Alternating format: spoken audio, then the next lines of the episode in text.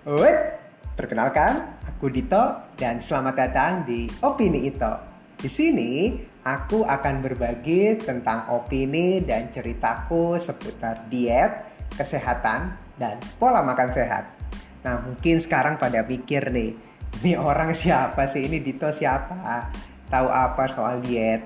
Ini dia ahli gizi bukan nih? Kok ngomongin diet? Kan ahli gizi kan kalau bukan ahli gizi kan nggak boleh ngomongin diet. Katanya kan gitu ya sekarang.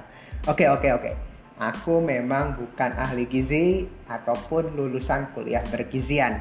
Ya jadi setelah ini jangan ada yang nanya lagi ya. Aku hanyalah seorang praktisi di dunia diet selama lima tahun belakangan ini.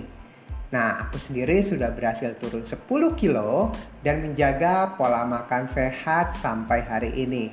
Jadi di sini ke depannya aku nggak akan berbicara sebagai seorang ahli, tapi sebagai teman seperjuangan kamu dalam menjalani diet. Setidaknya dengan cara ini, aku bisa menemani kamu agar kamu nggak ngerasa sendirian lagi ya nggak ngerasa sendirian saat melakukan diet di tongkrongan terus ada yang ngomong lagi diet lu ya? Wah ngapain lu diet ya? Jadi aku akan menemani kamu selama perjalanan diet kamu. Nah bagi kamu yang berharap aku akan share tips-tips diet ataupun cara cepat untuk turun berat badan.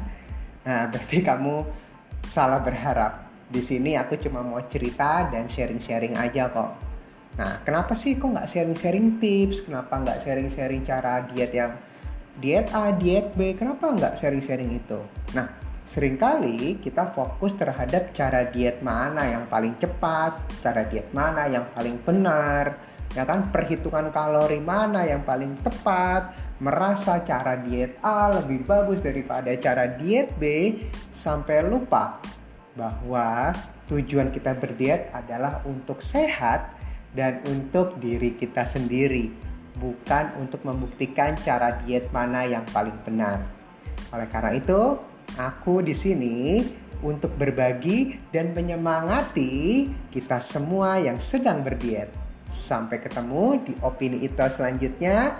Perjalanan kita baru dimulai.